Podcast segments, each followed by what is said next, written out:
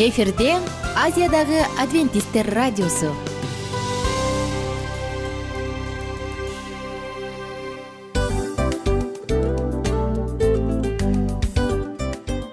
Достор салют. Баардык сүйүктүү угармандарыбызга салам айтабыз. Кутман күнүңүздөр менен. Ден соолук өмүрдүн булагы демекчи саламат саамы программасында баарыңыздарды көргөнүбүзгө абдан кубанычтабыз. Анда алгач амандашып өтөлү арбаңыздар деп. Ден соолугуңуздар кандай элибизде көбүнчө ден соолук кандай дегенде эле жакшы деп жооп беребиз э? ооруп турсак дагы жакшы дейбиз. Анан мен муну айтып ойлойт элем бул абдан сонун сөз депчи анткени бул жакшы деген үмүт да э ооба баары жакшы болот. Баары сонун. Деп үмүттөнүп атып эле өзүбүздү өзүбүз дарылап коебуз. Анысы кандай? Сиздин дагы ден соолугуңуз жакшы беш деген үмүттөбүз чындыгында ден соолук бул өмүрдүн булагы деп бекеринен айтылган эмес деп ойлойм. Кыргыз элинде анткени эгерде ден соолук жок болсо анда адамдын жашоосунда калган баардык керектүү маңыздуу нерселер өзүнүн баалуулугун жоготуп коет. Ошондуктан ден соолук бул эң керектүү нерсе. Ооба туура айтасың кесиптешим. Чынында ден соолугуң жок бир эки үч күн ооруп калсаң эле э кандай болуп калат? Жашоодо көз каранды болуп каласың көп нерсеге жетишпей каласың көп нерсени кыла албай каласың жада калса эшикке дүкөнгө да чыга албай каласың. Туптуура анан ден соолук болсо демек биз биздин бактыбыз тотой деп койсок болот. Анда достор саламат саамы рубрикабызды баштайлы. Алдыда өзүңүзгө керектүү болгон сонун кеңештерди уга аласыздар. Мына ошондуктан биз менен бирге болуңуздар. Ал эми биз болсо милан жана айнура. Кеттик алга. Алга саламат саама ден соолуктун жарчысы. Саламат саама ден соолуктун ачкычы. Күн сайын сиз үчүн мыкты кеңештер сонун жаңылыктар кызыктуу фактылар биздин рубрикада.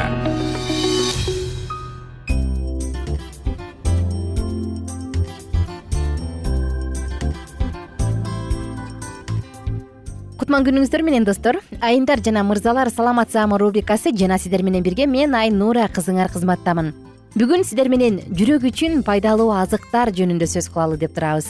Ден соолугуңуз кандай? Өзүңүздү кандай сезип жатасыз? Бүгүн эртең менен түштө кечиндеби кайсы учурда тамак ичтиңиз дегиле. Өзүңүздү кандай сезип жатасыз? Анткени биз сиздер менен бирге бүгүн жүрөк үчүн пайдалуу азыктар жөнүндө сөз кылалы деп турабыз. Балким сиз айтылган азыктардын бирин жеген болсоңуз анда бир аз болсо дагы жүрөгүңүздүн абалын жакшырттыңыз америкалык жана батыштык кардиологдор мындай дейт да көптөгөн он он жылдардан кийинки изилдөөлөрдөн кийин мындай дейт. Биздин жүрөгүбүздүн эң эле биринчи душманы туура эмес тамактануу дейт. Элестетиңиз жүрөктүн эң эле башкы душманы туура эмес тамактануу дейт. Чын эле карап отурсаң биринчи кезекте ой койчу ай тамак деген сонун дейсиң дагы тамакты ырахаттанып өзүбүздүн курсагыбызды кардыбызды тойгузганга жейбиз бирок ошентсе дагы тамактар ошол эле биз жеп жаткан тамактар кайсы бир ооруларды алып келсе кайсы бирлери алардын алдын алат экен. Эмесе жүрөк ооруп анан кыйналгандан көрө аны профилактика кылып алдын алган жакшы эмеспи. Жүрөк оорудан сактаныш үчүн кайсы азыктарды жеш керек деги эле идеалдуу ден соолукка ээ болсо болобу деги эле жүрөк оорубай жакшы аман эсен бойдон жакшынакай бойдон өтүп кетсек болобу биздин моторубуз кырылдап шырылдап бузулбаш үчүн эмне жеш керек мына ушул жөнүндө алдыда сөз кылабыз. Ал эми жүрөгү ооруган адамдар эмне кылат? Сөзсүз түрдө биринчи кезекте дары дармектерди ичишет бирок сиздерге айтарыбыз дароо эле дары дармектерди гана иче бербестен тамактанып жатканыңызга да көңүл буруңуз. Эмне жеп жатасыз? Пилюлелердин баардыгын ичерден мурун эмне ичип жатасыз? Мына ушуга дагы көңүл бурганды унутпаңыз бүгүнкү тема сиздер үчүн жана баардыгыбыз үчүн ар бир адам үчүн өтө маанилүү анткени жүрөк биздин негизги органыбыз жана моторубуз эмеспи кеттик анда алдыны көздөй. Эң эле биринчи кезекте берүүчү суроо. Кандай тамактаныш керек? Тамактануунун эрежелери. Биринчи эле эреже. Сапаттуу бирок өтө аз май жеңиз. Биз жеген калорийдин отуз пайызын гана май түзүшү керек андан ашпашы керек. Бул мисалга мындай. Күнүнө биздин рациондо эки миң калорий болсо анын алтымыш жети граммы гана май болушу керек эгерде салыштырмалуу айта турган болсок азияда жашаган адамдын орточо рациону бир күндүк рационунун отуз эмес кырк беш пайызын май түзөт. Болгондо дагы бул эт сүттүн курамында кездешкен майлар. Эмне үчүн эт сүт деп баса белгиледим анткени алардын курамындагы майлар организмде холестериндин көбүрөөк иштелип чыгышын шарттайт дагы адамда холестеринди пайда кылат. А эгерде холестерин көбөйө бере турган болсо анда коронардык артериялардын стенкаларынын баардыгы тең бүтөлөт. Мунун негизинде биздин жүрөк булчуңдарыбыз тамак же болбосо кенен кесир кислород кан менен камсыз болбой калат дагы мунун негизинде албетте жүрөк начарлайт. Качан май менен холестерин коронардык артерияны толугу менен жаап калган учурда бул инфаркт миокардка алып келет. Коркунучтуу ошондой эле биздин экинчи эрежебиз эмне кылабыз? Экинчи эрежеден мурун анда май жебейбизби эмне май таптакыр жебеш керекпи дейт болушуңуз керек. Жок май жеңиз. Бул колдон келишинче транс майларды төмөндөтүңүз анын ордуна өсүмдүк майларды жегенге аракет кылыңыз кайсы бир кээ бир маргариндин түрлөрүн жана куурулган тамактарды жебегенге аракет кылыңыз мындай майлар колбасада колбаса э, жалпы эле колбасанын түрлөрүндө этте э, сүттө майда сырда абдан көп кездешет. Алардын ордун эмне менен толукташ керек? Алардын ордун оливка майы күн карама кунжут майы жана башка майлар менен толуктасаңыз болот. Ошондой эле тофу жеңиз бул соя сыры гуакамоле жеңиз жана өсүмдүк паштеттерин жеңиз. Сүт жана сулуу сүтүн ичсеңиз болот. Экинчи эреже. Азыраак туз колдонуңуз. Чындыгында тузду билебиз э? Бул негизи пайдалуу бирок өлчөмүнөн ашып кете турган болсо анда ал өтө коркунучтуу зыяндуу эгерде биз тузду абдан көп жей бере турган болсок атеросклероз пайда болот. Кан басым жогорулайт. Мунун негизинде жүрөккө оорчулук келет. Демек достор биздин максатыбыз эмнеде биздин максатыбыз тузду өз өлчөмү менен гана жөө күнүнө алты грамм. Бул максимум күнүнө алты грамм болушу керек. Анын ордуна башка деңиз соль туздарын жеңиз. Баягы морская соль деп коет эмеспизби аларда минерал жана башка сонун натрий жана башка заттар абдан пайдалуу заттар көп. Мына ошондуктан эгерде минерал тузун жей албайм десеңиз суудан алынган туздарды жеңиз. Аларда натрий аз бирок калий көп. Ошондуктан натрийдин зыяндуу жаман таасиринен алдын алат. Туздун ордуна сиз салатты же тамакты лимон менен кошуп туздап койсоңуз болот чеснок менен кошсоңуз болот жана жыт берүүчү ар кандай чөптөрдү колдонсоңуз болот. Андан ары жөнөйлүк биздин кийинки эрежебиз үчүнчү эреже. Үчүнчү эрежеде биз сизге эмне деп айтабыз? Сахарды жебеңиз деп айтабыз. Кумшекерди жебегенге аракет кылыңыз. Кумшекердин рациондо көбөйүп кетиши триглицеридтерди абдан көбөйтөт кандагы. Демек бул коронардык артериялардын баардыгын бүтөлүп калышына алып келет коронардык артерия эмне үчүн маанилүү дегенде биздин жүрөгүбүздүн булчуңдарынын баардыгын азыктандыруучу же болбосо жүрөккө жүрөк булчуңдарына алып келүүчү жолдордун баардыгы коронардык артерия. Эгер алар бүтөлүп калса жүрөккө кислород дагы кан дагы жетпейт. Мунун негизинде жүрөккө оорчулук келет дагы анан оору башталат. Ак же болбосо тазаланган кумшекер. Мейли ал сахарозабы кадимки кумшекер биз чайга салып ичкен фруктоза глюкозабы кандай гана болбосун булардын баардыгында тең витамин минерал клетчатка антиоксидант баардыгы жок. Мына ошондуктан анын ордуна башка нерсе жегенге аракет кылыңыз. Пирожный конфетпи тортпу ак ундан жасалган жана чакмакташылган кумшекери кошулган баардык баардык таттуулардан баш тартканга аракет кылыңыз. Эгер сиз өтө эле таттууну сүйүүчү адамдардан болсоңуз ой жок мен кумшекерсиз жашай албайм десеңиз анда кургатылган мөмө жемиштерди жеңиз үзүм жүзүмбү кара өрүк абрикос финик инжир мына ушул сыяктуу. Азыктарды жеңиз буларда клетчатка абдан көп. Жана албетте бул организмди глюкоза менен керектүү витаминдер менен камсыздайт достор кийинки төртүнчү бешинчи эрежелерибизди алдыдагы уктурууда айтып беребиз. Кененирээк ага чейин кайрадан сиздер менен амандашканча деп коштошом. Тилекке каршы убактыбыз соңуна чыгып калды жетишпей калдык. Бирок кийинки уктурууда баардыгын кенен кенен кезек кезеги менен айтып берем. Кайрадан саламдашканча үн алышканча сак саламатта туруңуздар саламат саама ден соолуктун жарчысы. Саламат саама ден соолуктун ачкычы. Күн сайын сиз үчүн мыкты кеңештер сонун жаңылыктар кызыктуу фактылар биздин рубрикада. Салют замандаштар баарыңыздарга ысык салам. Дил маек программабызга кош келиңиздер. Дил маек рубрикасы дегенде эле бул эмне болгон дил маек ким менен маектешебиз деп сурайт болуш керек угармандарыбыз бул рубриканы кыскача тааныштыра кете турган болсок ар тарап кесип ээлеринен болгон сонун интервью кеңештер бар. Ооба. Жылдыздар менен болгон маек бар. Аталарыбыздын агаларыбыздын чоң аталарыбыздан сонун кеңештер бар.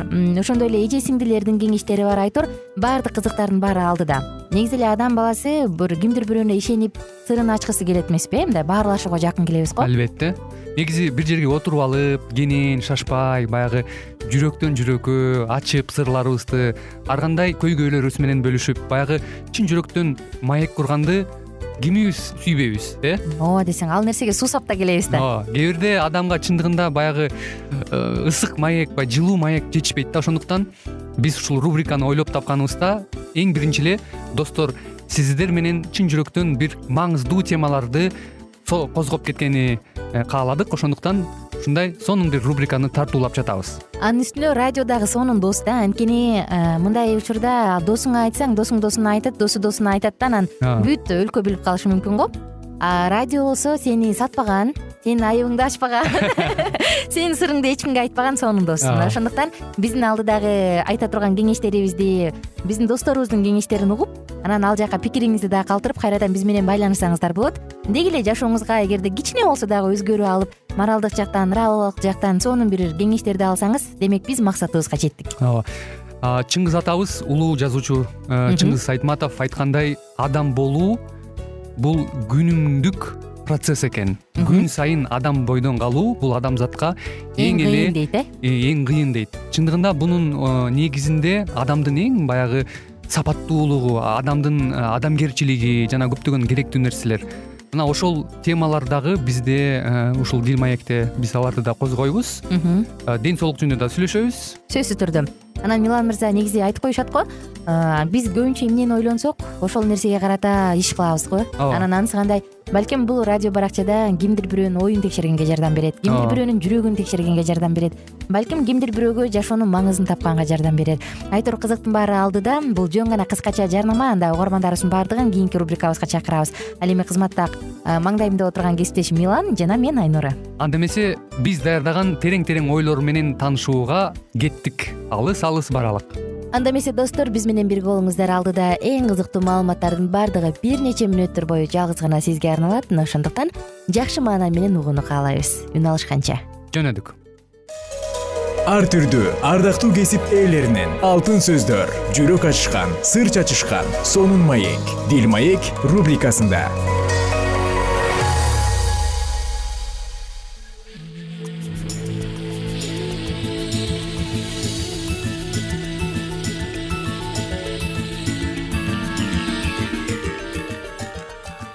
кутман күн кадырман радио угарман. Кайрадан эле сиздер менен биргеликте бактылуу никенин баалуу эрежелери аттуу программабызды баштайбыз. Бүгүнкү э, уктуруубузда ардактуу радио угармандар биз э, дал ушул э, биздин жашоодо деги эле күнүмдүк турмушта ар бир эле инсан сөзгө туруп ошол эле учурда ар бир айткан убаданы аткарган адамды адам сыйлап келет эмеспи андыктан дал ушул кыргыз элинде айтылгандай эле буттан жыгылган адам э, турат ал эми сөздөн жыгылган адам турбайт деген сөз бар эмеспи андыктан ушул макалдын негизинде э, талкуу маек кылмакчыбыз. Э, негизи эле сөзгө туруу бул канчалык деңгээлде бүгүнкү күндө актуалдуу ушул туурасында ойлорубузду бөлүшөбүз. Ал эми сиздер болсо бул мүнөттөрдө биздин ободон алыстабай биз менен биргеликте кала бериңиздер деп сиздерди чакырып өтмөкчүбүз. Кайрадан эле микрофондо кызматыңыздарда аты жөнүм мен улан кубанычбеков. Бүгүнкү программабызда жана ошондой эле студиябыздын коногу абылгазиев улан абылгазиевич мырза кайрадан эле биз менен маек куруп бермекчи. Саламатсызбы улан мырза студиябызга кош келипсиз. Э, негизи эле э, сөзгө туруу жөнүндө кеп кылалы деп турам сиз кандай деп ойлойсуз э, алгачкы суроом төмөндөгүчө болсун э, негизи эле э, адамдын сөзгө турганы бул канчалык деңгээлде маанилүү жана эле ошол эле учурда сөзгө туруу дегенди сиз кандай түшүнөсүз ушул жөнүндө? Өзүңүздүн пикириңиз менен бөлүшүп берсеңиз. Чоң рахмат. Бул жакшы суроо болду. Сөзгө туруу деген бул эми негизи эле илгертен. Биздин ата бабабыздан келаткан нерселерден улам байкайм сөзгө туруу деген убада бердиңби? Э, аткар дегенди айтат да. Эгерде аткара албасаң анда убада бербе деп бул китепте дагы ыйык жазууда да айтылат да ушундай. Ошонун негизинде сүйлөшө турган болсок чынында эле эркек адам болуп ата болуп же бир кандай жоопкерчиликтүү жетекчи болосуңбу кайсы гана тармакта иштебе каякта гана үй бүлөнүн атасы болуп бир жоопкерчиликтүү адам катары убада берип бир сөз бергенден кийин ошону аткарган бул өтө мааниге ээ да анткени эгерде убада берип коюп анан аткарбай койсоң бул аябай эле өкүнүчтүү болот да. Анткени бул өзүңдүн баягы биздин элибизде айтылып келет эмеспи. Эгерде сөзүңө турсаң эркексиң сөзүңө турбасаң ошондойсуң деп адамдар айтат да. Анан ар бир эле адам эркек болгусу келет болуш керек мактоого татырлык болгусу келет болуш керек сөзгө туруп. Анан бирок биздин тилекке каршы ар бир адам ар кандай болот экен кийинки учурларда ушу акыркы учурларда мен көп эле кездештирип атам ушу туугандарымдын арасынан инилеримдин арасынан жакын эле. Убада берип коюп анан сөз берип коюп анан ошо келбей жолугууга келбей калат же убада берип коюп ошо убадасын аткарбай койгон учурлар көп эле мындай азыркы заманыбызда жаштарга бул нормальный нормалдуу эле болуп калган сыяктуу көрүнүп калды да. Мен ошондой түшүнүп калдым да. Анткени илгери тарыхты карасак тарыхта ушу ата бабабыз ушундай бир макал менен макалдаштырып анан бул макал деген өзү эле негизи жашоонун жашоонун түпкүрүнө байланыштуу болот. Баягы ооздон жыгылган турбайт.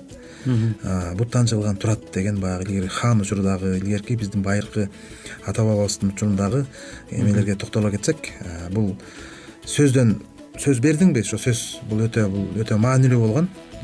Бул закон сыяктуу болгон ошол убакта. Эмне деп сөз берсең ошону аткарыш керек болгон да. Ошол нерсе бүгүнкү күндө жокко чыгарылып бараткан сыяктуу да. Ушундай көрүнүш болуп тилекке каршы тилекке каршы тилекке каршы ооба чындап эле жогоруда өзүңүз айтып өткөндөй э, кыргыз элине өтө мүнөздүү болуш керек. Бул нерсе мисалы биздин ошол өзүңүз айткандай эле ата бабаларыбыз э, бул нерсени мындай өтө аздектеп э, ушул сөзгө турууда мындай бул өтө маанилүү экенин мындай аяр мамиле кылып ар бир айткан сөзүнө кылдат мамиле кылып мындай кийинки муундарга мындай өрнөк болуп келген десек дагы эч убакта жаңылбайбыз да.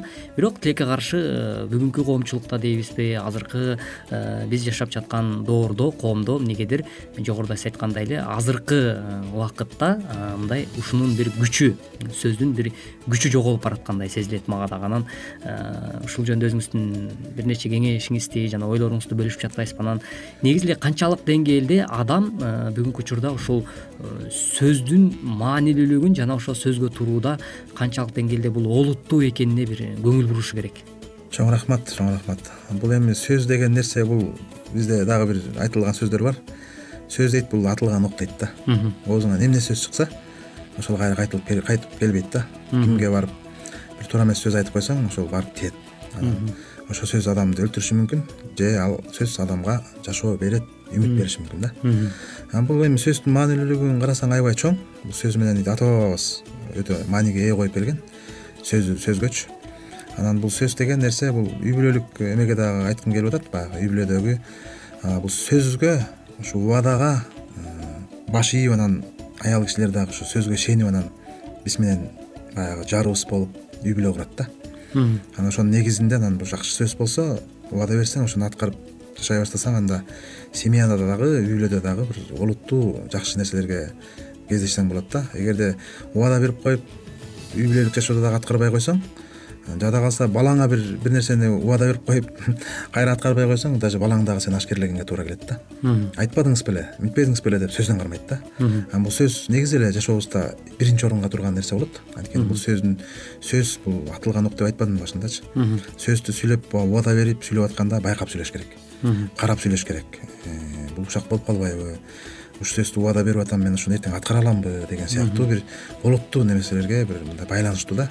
Ошон үчүн бир жетекчи болосуңбу катардагы мындай ишкер адам болосуңбу үй бүлөдөгү ата болосуңбу эне болосуңбу же бала болосуңбу ошондой эле кыз болосуңбу баары бир сөз бул өтө маанилүү да чоң нерсеге ээ да биздин жашообуздачы ошон үчүн сөз деген бул өтө мааниге чоң нерсе. Ошон үчүн сөз сүйлөп атканда байкап сүйлөш керек э, шашпаш керек ошо э, адамга бир өмүр берейин адамга бир өмүр кошоюн деген сыяктуу бир жакшы бир позитивдүү ойлор менен анан сүйлөш керек да сөздү ал эми ардактуу радио каармандар кыргыз элибизде айтылгандай эле чындап эле сөздү убагында туура баягы маани берип ошол сөзгө аздек мамиле кылбасак анда сөздүн атасы өлөт деген дагы сөз бар эмеспи. Андыктан э, жакшы сөз э, жан эргитет ал эми жаман сөз жан кейитет деп дагы биздин ата бабалар ушундай макал лакаптар менен сүйлөп келишкен. Андыктан олуттуу мамиле кыла бериңиз деген тилек менен кайрадан эле ободон үн алышканча ар бириңиздердин жашооңуздарда тынчтык жашоо болсун деген тилекти айтуу менен программабызды жыйынтыктайбыз. Бүгүнкү уктурууда биздин студиябыздын коногу абылгазиев улан мырза өзүнүн жеке ойлору менен бөлүшүп өттү. Жана ошондой эле бүгүнкү программаны алып барган кызматыңыздардын аты жөнү менен улан кубанычбеков эмки берүүдөн дал ушул ободон үн алышканча сак саламатта болуңуз ар түрдүү ардактуу кесип ээлеринен. Алтын сөздөр жүрөк ачышкан сыр чачышкан сонун маек. Дил маек рубрикасында. Жан дүйнөңдү байыткан жүрөгүңдү азыктанткан жашооңо маңыз тартуулаган жан азык рубрикасы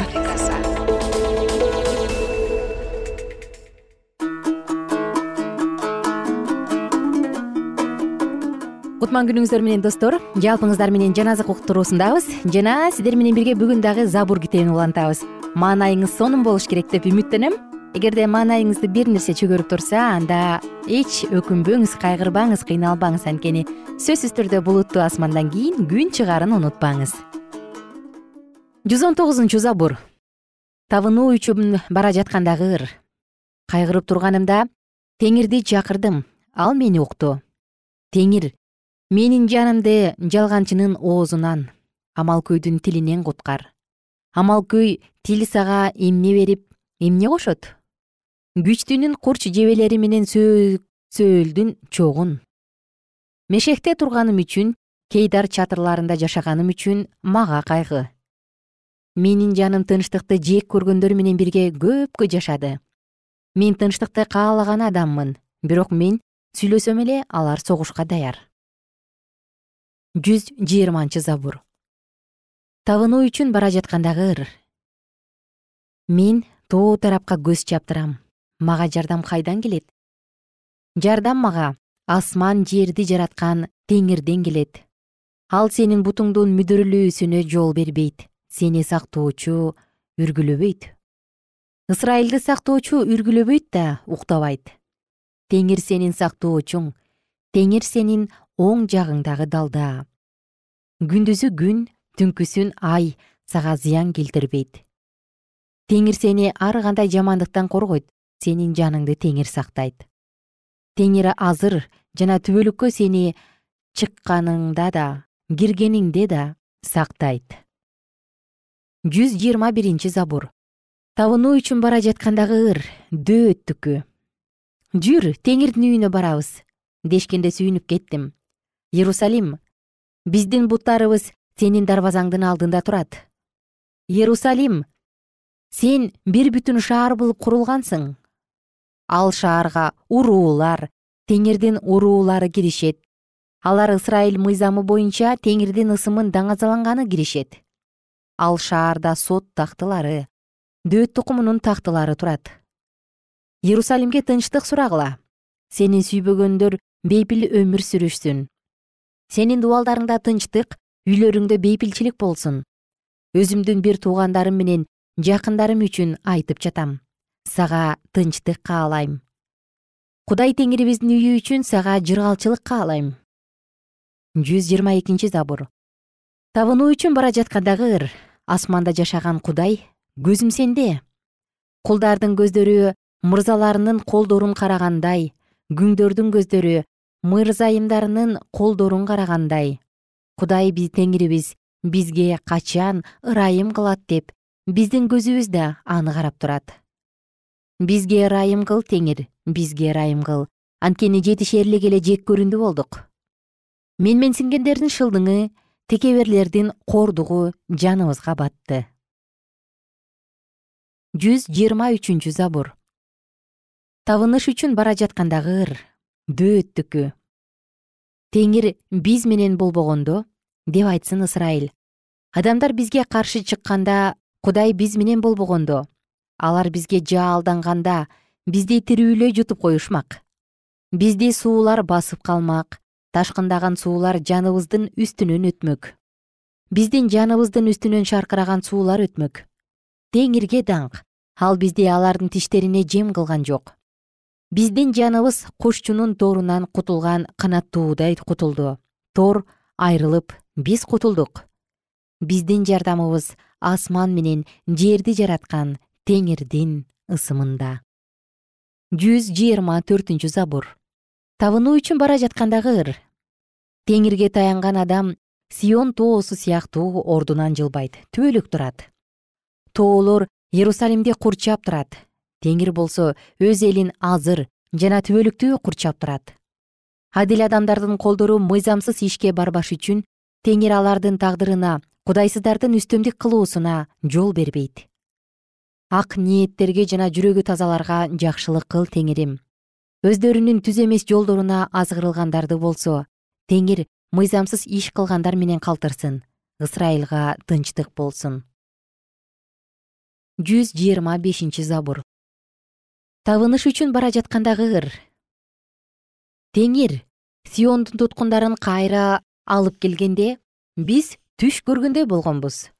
Ошондо оозубуз күлкүгө тилибиз ырга толгон. Ошондо элдер өз ара теңир булар үчүн чоң иш кылды деп айтышкан.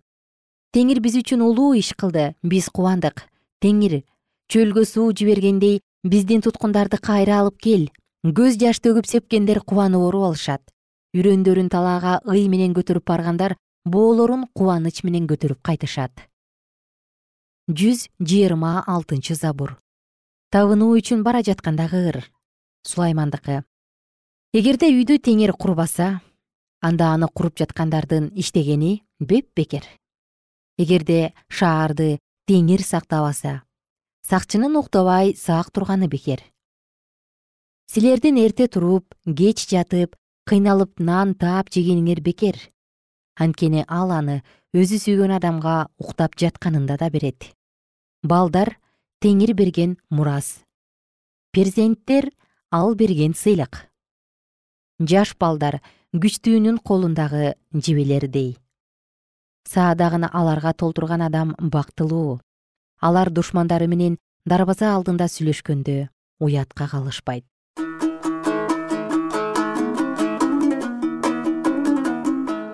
кымбаттуу досум мынакей бүгүн дагы сиздер менен забур китебинен бир нече баптарды окуп өттүк. Эгерде сиздин балаңыз бар болсо же балдарыңыз бар болгон болсо жогоруда айтылган аяттарды укканда тим эле кубандыгыңыз болуш керек. Ооба чын эле бала бул жараткан берген белек. Бала бул перзент бул сыйлык. Мына ошондуктан кичинекей чүрпөлөрүңүз бар болсо аларды жараткан үчүн жакшы тарбиялап агаларга ыймандуу адам болуп чоңоюшуна чоң салым кошо бериңиз. Ал эми бул нерседе сизге жараткан күч берсин. Жалпыңыздар менен коштошом кийинки уктуруулардан кайрадан амандашканча сак саламатта туруңуздар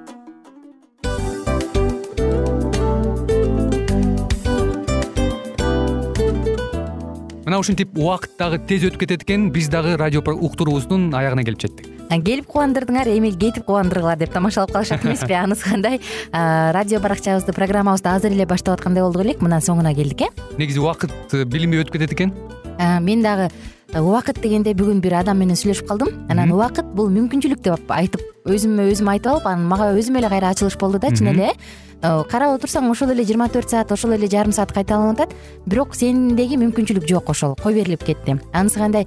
Бүгүнкү сонун убактыңызды алтындай болгон жарым саатыңызды бизге бөлүп арнаганыңыз үчүн ыраазычылык айтабыз. Анан жашооңуздун кайсы бир сферасын өзгөртө турган сонун пайдалуу кеңеш алган болсоңуз анда биз максатыбызга жеттик. Анан ушул нерсени кылбасам десеңиз ошол өзгөрүүлөрдү кичинекей кадамдардан баштап иш жүзүнө ашырыңыз дагы жашооңузда чоң чоң ийгиликтерге жетиңиздер чын жүрөктөн ар бир берилген кеңештер сөздөр сиздерге пайдасын алып келет деп ишенебиз жана кийинки уктурууларда сөзсүз түрдө чыдамсыздык менен сиздерди күтөбүз. Сагынычтуу салам айтып кайрадан дал ушул жыштыктан баардыгыңыздарды тосуп алганча кызматта мен айнура жана кесиптешим милан. Анда кол пулга алайбыз жалпыңыздарга ийгиликтүү күн. Саламатта калыңыздар